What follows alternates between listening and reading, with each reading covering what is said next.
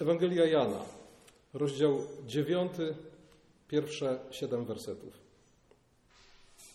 A przechodząc, ujrzał człowieka ślepego od urodzenia.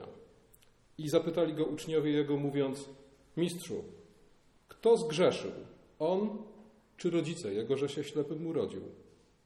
Odpowiedział Jezus: Ani on nie zgrzeszył, ani rodzice jego, lecz aby się na nim objawiły dzieła Boże. Musimy wykonywać dzieła tego, który mnie posłał, póki dzień jest. Nadchodzi noc, gdy nikt nie będzie mógł działać. Póki jestem na świecie, jestem światłością świata. Po tych słowach splunął na ziemię i ze śliny uczynił błoto, i to błoto nałożył na oczy ślepego. I rzekł do niego: Idź, obmyj się w sadzawce Syloe, to znaczy posłany. Odszedł tedy i obmył się i wrócił z odzyskanym wzrokiem. A sąsiedzi i ci, którzy go przedtem widywali jako żebraka, mówili: Czyż to nie jest ten, który siadywał żebrząc? Jedni mówili: To jest on, a inni mówili: Nie, ale jest do niego podobny. On zaś rzekł: To ja.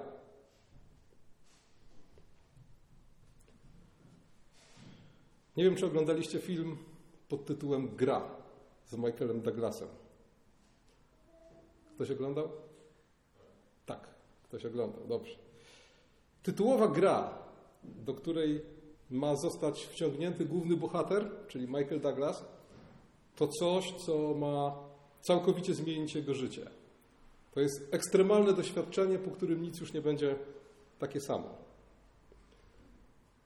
I kiedy napięcie narasta, kiedy ciągle jeszcze nie wiadomo, czym jest gra, Michael Douglas pyta, czym jest gra. I wtedy ktoś odpowiada, Ewangelia Jana 9:25. Jedno wiem, że byłem ślepy, a teraz widzę. Byłem ślepy, a teraz widzę. W taki właśnie sposób niewidomy od, od urodzenia, któremu Jezus przywrócił wzrok, odpowiada na pytanie faryzeuszów o Jezusa. Kim on jest? Co tak naprawdę spotkało cię tego dnia? On odpowiada: Nie wiem, wiem jedno. Byłem ślepy, a teraz widzę. W życiu tego człowieka spotkanie z Jezusem zmieniło wszystko. Był ślepy, a teraz widzi. Jest kimś innym, pewnym sensie nowym człowiekiem.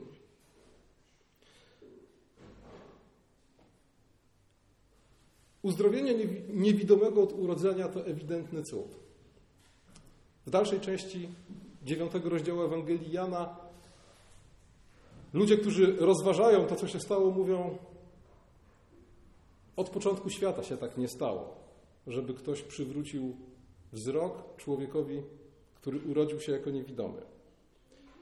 Ale w Ewangelii Jana przywrócenie wzroku człowiekowi niewidomemu to więcej niż cud.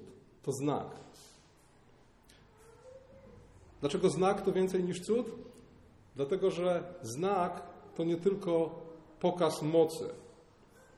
Zresztą nie każdy znak jest cudem. Znane jest stwierdzenie księdza Brzozowskiego, że nie ma przypadków, są tylko znaki. Aniołowie do pasterzy w dniu narodzin Chrystusa mówią: To będzie dla was znakiem. Znajdziecie dzieciątko owinięte w pieluszki i położone w żłobie. A więc znak może być cudem, ale niekoniecznie. Ale znak jest przede wszystkim znakiem, to znaczy na coś wskazuje. W Ewangelii Jana znaki, których dokonywał Jezus, są listami uwierzytelniającymi. Jezus czyni to, co powinien był czynić Mesjasz, po to, żeby Żydzi rozpoznali w nim Mesjasza. Czyni to, co Mesjasz powinien był czynić zgodnie z prorockimi zapowiedziami. I dlatego, kiedy Jan, siedząc w więzieniu, słyszy o tym, czego dokonuje Chrystus, ale ciągle ma wątpliwości, posyła swoich uczniów do Jezusa, pytając, czy Ty jesteś tym, który ma przyjść, czy też innego mamy oczekiwać? I wtedy Jezus uczniom Jana odpowiada, Idźcie i oznajmijcie Janowi to, co słyszycie i na co patrzycie. Niewidomi odzyskują wzrok, chromi chodzą, trędowaci doznają oczyszczenia, głusi słyszą, umarli z martwych stają, ubogim głosi się Ewangelię. A więc w odpowiedzi na pytanie Jana, czy ty jesteś tym, na kogo czekamy, Jezus odpowiada: spójrz na znaki. Znaki świadczą o tym, kim jestem. Sam Jezus, kiedy znalazł się w synagodze, w swoim rodzinnym mieście i podano mu księgę proroka Izajasza, jak czytamy w czwartym rozdziale Ewangelii Łukasza, otwierając tę księgę czyta Duch Pański nade mną, abym przeto mnie namaścił, abym zwiastował ubogim dobrą nowinę, posłał mnie, abym ogłosił jeńcom wyzwolenie, a ślepym przejrzenie. I odkładając księgę, mówi: Właśnie to dzieje się na waszych oczach. A zatem Mesjasz miał przywracać wzrok. Jezus, przywracając wzrok, przedstawia się jako oczekiwany Mesjasz. W Ewangelii Jana mamy siedem znaków, a tym siedmiu znakom odpowiada siedem stwierdzeń Jezusa, rozpoczynających się od słów Ja jestem. Jezus mówiąc o sobie siedem razy mówi Ja jestem. Mówi Ja jestem dobrym pasterzem, ja jestem drzwiami dla owiec, ja jestem drogą, prawdą i życiem. I każdemu z tych siedmiu stwierdzeń Ja jestem odpowiada jeden z siedmiu znaków.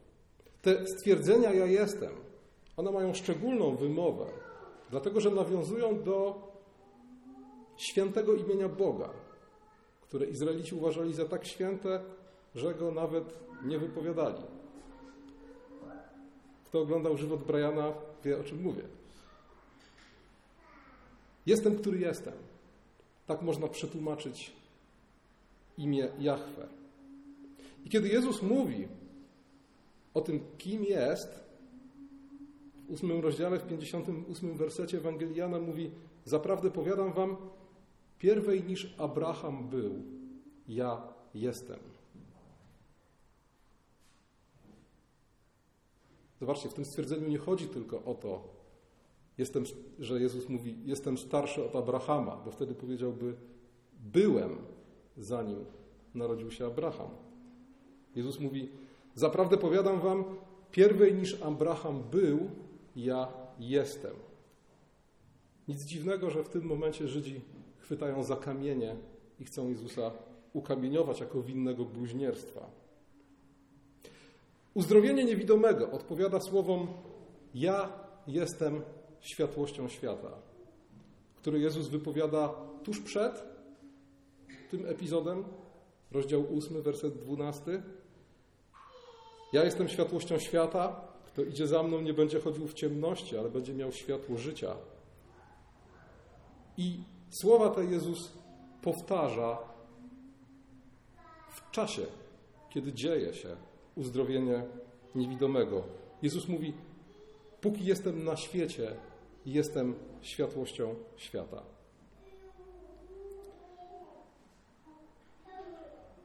To wszystko oznacza, że te dwie rzeczy, znak, którego Jezus dokonuje i słowa, które wypowiada, powinniśmy widzieć razem.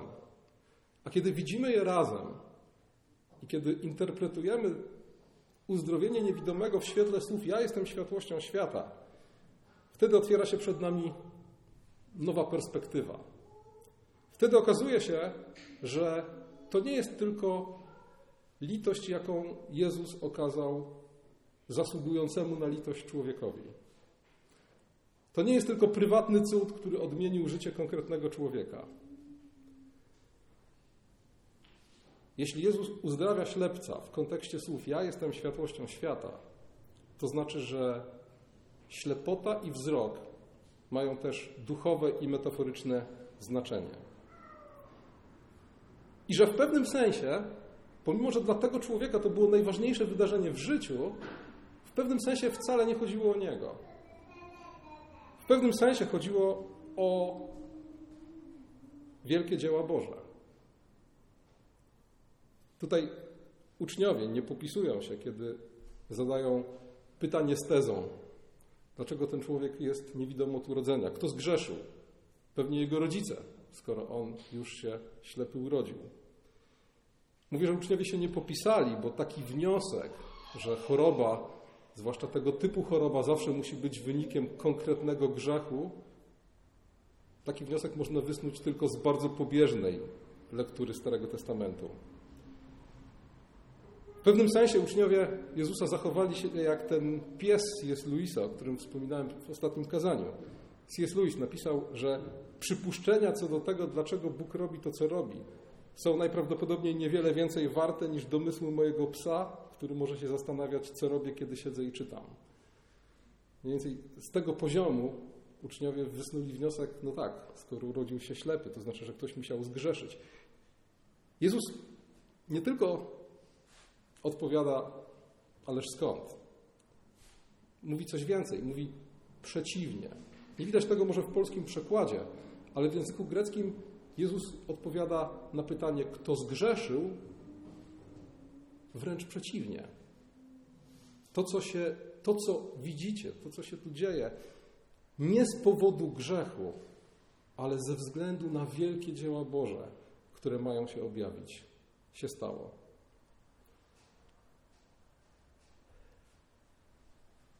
A zatem Jezus, uzdrawiając konkretną chorobę ciała, jednocześnie daje nam bardzo konkretną naukę odnośnie chorób duszy. Zwróćcie uwagę na jedną rzecz. Ten człowiek, którego uzdrowił Jezus, jest niewidomy od urodzenia. A więc w pewnym sensie nie powinniśmy mówić o przywracaniu wzroku, bo ten człowiek nigdy nie widział, bardziej o tym, że Jezus go obdarował wzrokiem. Ten człowiek jest anonimowy, bezimienny. On się pojawia, znika. Nigdy więcej się w Ewangelii nie pojawia. I tak naprawdę funkcjonuje tutaj, choć był to człowiek z krwi i ciała, przede wszystkim jako figura człowieka chodzącego w ciemności. Kiedy Jezus mówi o sobie, jestem światłością świata, mówi, przyszedłem po to, żebyście nie chodzili w ciemności. To oznacza, że światłość, którą przynosi Jezus, światłość świata, którą Jezus jest, to nie jest światłość, która oślepia, tylko światłość, która umożliwia widzenie. Coś podobnego C.S. Lewis kiedyś napisał.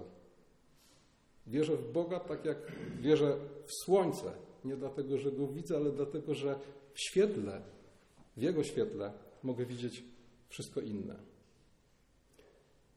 Kiedy spojrzymy na ślepotę i na ten dar wzroku w tym metaforycznym, duchowym sensie, zobaczymy, że ślepotą jest niewiara.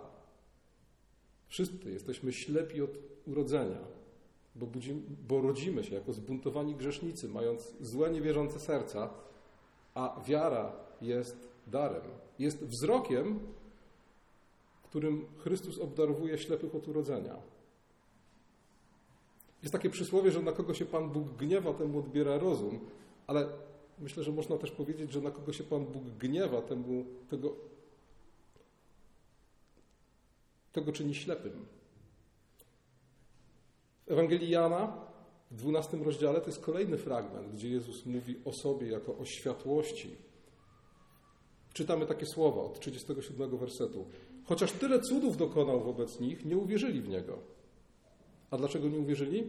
Aby się wypełniło słowo proroka Izajasza, jakie powiedział: Zaślepił oczy ich i zatwardził serce ich, aby nie widzieli oczami swymi i nie rozumieli sercem swym, i żeby się nie nawrócili, i żebym ich nie uzdrowił.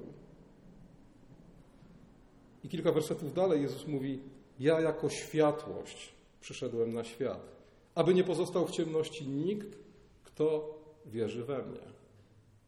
Zobaczcie, ciemnością i ślepotą jest niewiara. Światłością i tym, który przywraca wzrok, jest Chrystus. Kto wierzy w Niego, nie będzie chodził w ciemności. Jesteśmy ślepi od urodzenia, a wzrok możemy otrzymać tylko jako dar. Jak ten człowiek, który spotkał Chrystusa na swojej drodze. Ale duchowa ślepota tym się różni od tej ślepoty ciała, że człowiek ślepy duchowo nie wie, że jest ślepy. A często mu się nawet wydaje, że widzi lepiej niż inni. Kiedy po uzdrowieniu niewidomego dochodzi do konfrontacji między Jezusem a faryzeuszami, bo faryzeuszom oczywiście nie podobało się to, że uzdrowił w sabat, wtedy faryzeusze pytają, czy i my jesteśmy ślepi? A Jezus odpowiada, gdybyście byli ślepi, nie mielibyście grzechu, ale ponieważ mówicie widzimy, przeto pozostajecie w grzechu. A więc największy problem ludzi duchowo ślepych jest to, że po pierwsze są ślepi, ale po drugie wydaje im się, że widzą. W objawieniu świętego Jana, w jednym z listów do kościołów, czytamy: Ponieważ mówisz, bogaty jestem, wzbogaciłem, niczego nie potrzebuję, a nie wiesz, żeś pożałowania godzien, nędzarz, biedak, ślepy i goły. To jest jeden z zarzutów, jaki Bóg kieruje do jednego z kościołów objawienia. Nie wiesz, że jesteś ślepy. Dramat Twojej sytuacji polega na tym, że nie wiesz, że jesteś ślepy. Brak wiary to ślepota. Ale w innych fragmentach pisma zobaczymy, że nie tylko całkowity brak wiary to ślepota. We fragmentach, które apostołowie kierują do ludzi wierzących, do kościołów, czytamy na przykład w pierwszym liście Jana, w drugim rozdziale, w wersetach 10 i 11, że ślepy jest i w ciemności chodzi ten, kto nienawidzi swego brata, bo ciemność zaślepiła jego oczy. Z kolei w pierwszym liście Piotra, w pierwszym rozdziale od trzeciego wersetu czytamy o tym, że boska moc Chrystusa obdarowała nas wszystkim, co jest potrzebne do życia i pobożności. Otrzymaliśmy drogocenne obietnice. Przez nie stajemy się uczestnikami boskiej natury. I właśnie dlatego, jak pisze apostoł Piotr, dołóżcie wszelkich starań i uzupełnijcie waszą wiarę cnotą, cnotę poznaniem, poznanie powściągliwością, powściągliwość wytrwaniem, wytrwanie pobożnością, pobożność braterstwem, braterstwo miłością. Tak mówi apostoł Piotr. Chrystus w swojej mocy obdarował nas wszystkim, co jest nam potrzebne do życia i pobożności. Otrzymaliśmy obietnicę. Staliśmy się uczestnikami Jego boskiej natury. I właśnie to nas przynagla, właśnie to sprawia, że powinniśmy uzupełnić naszą wiarę o wszystkie te rzeczy. O cnotę, o poznanie, o powściągliwość, o wytrwanie, o pobożność, o braterstwo i o miłość. Kto zaś ich nie ma, ten jest ślepy. A zatem wiara bez cnoty, wiara bez miłości, wiara bez owocu, wiara, którą Jakub nazwałby martwą wiarą, jest taką samą ślepotą, jak całkowity brak wiary.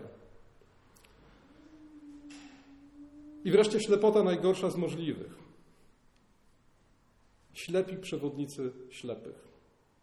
Jezus nazywa w ten sposób faryzeuszy, mówiąc do nich, czy ślepy może prowadzić ślepego?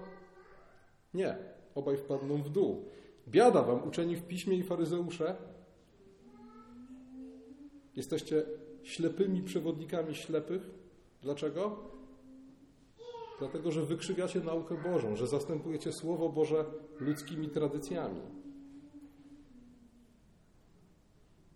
To jest ten najgorszy rodzaj ślepoty. Nie tylko zdaje mi się, że widzę, ale zdaje mi się, że widzę lepiej i dlatego mogę, a w zasadzie powinienem być przewodnikiem dla innych.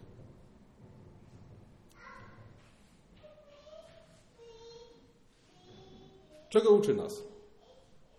Dziewiąty rozdział Ewangelii Jana.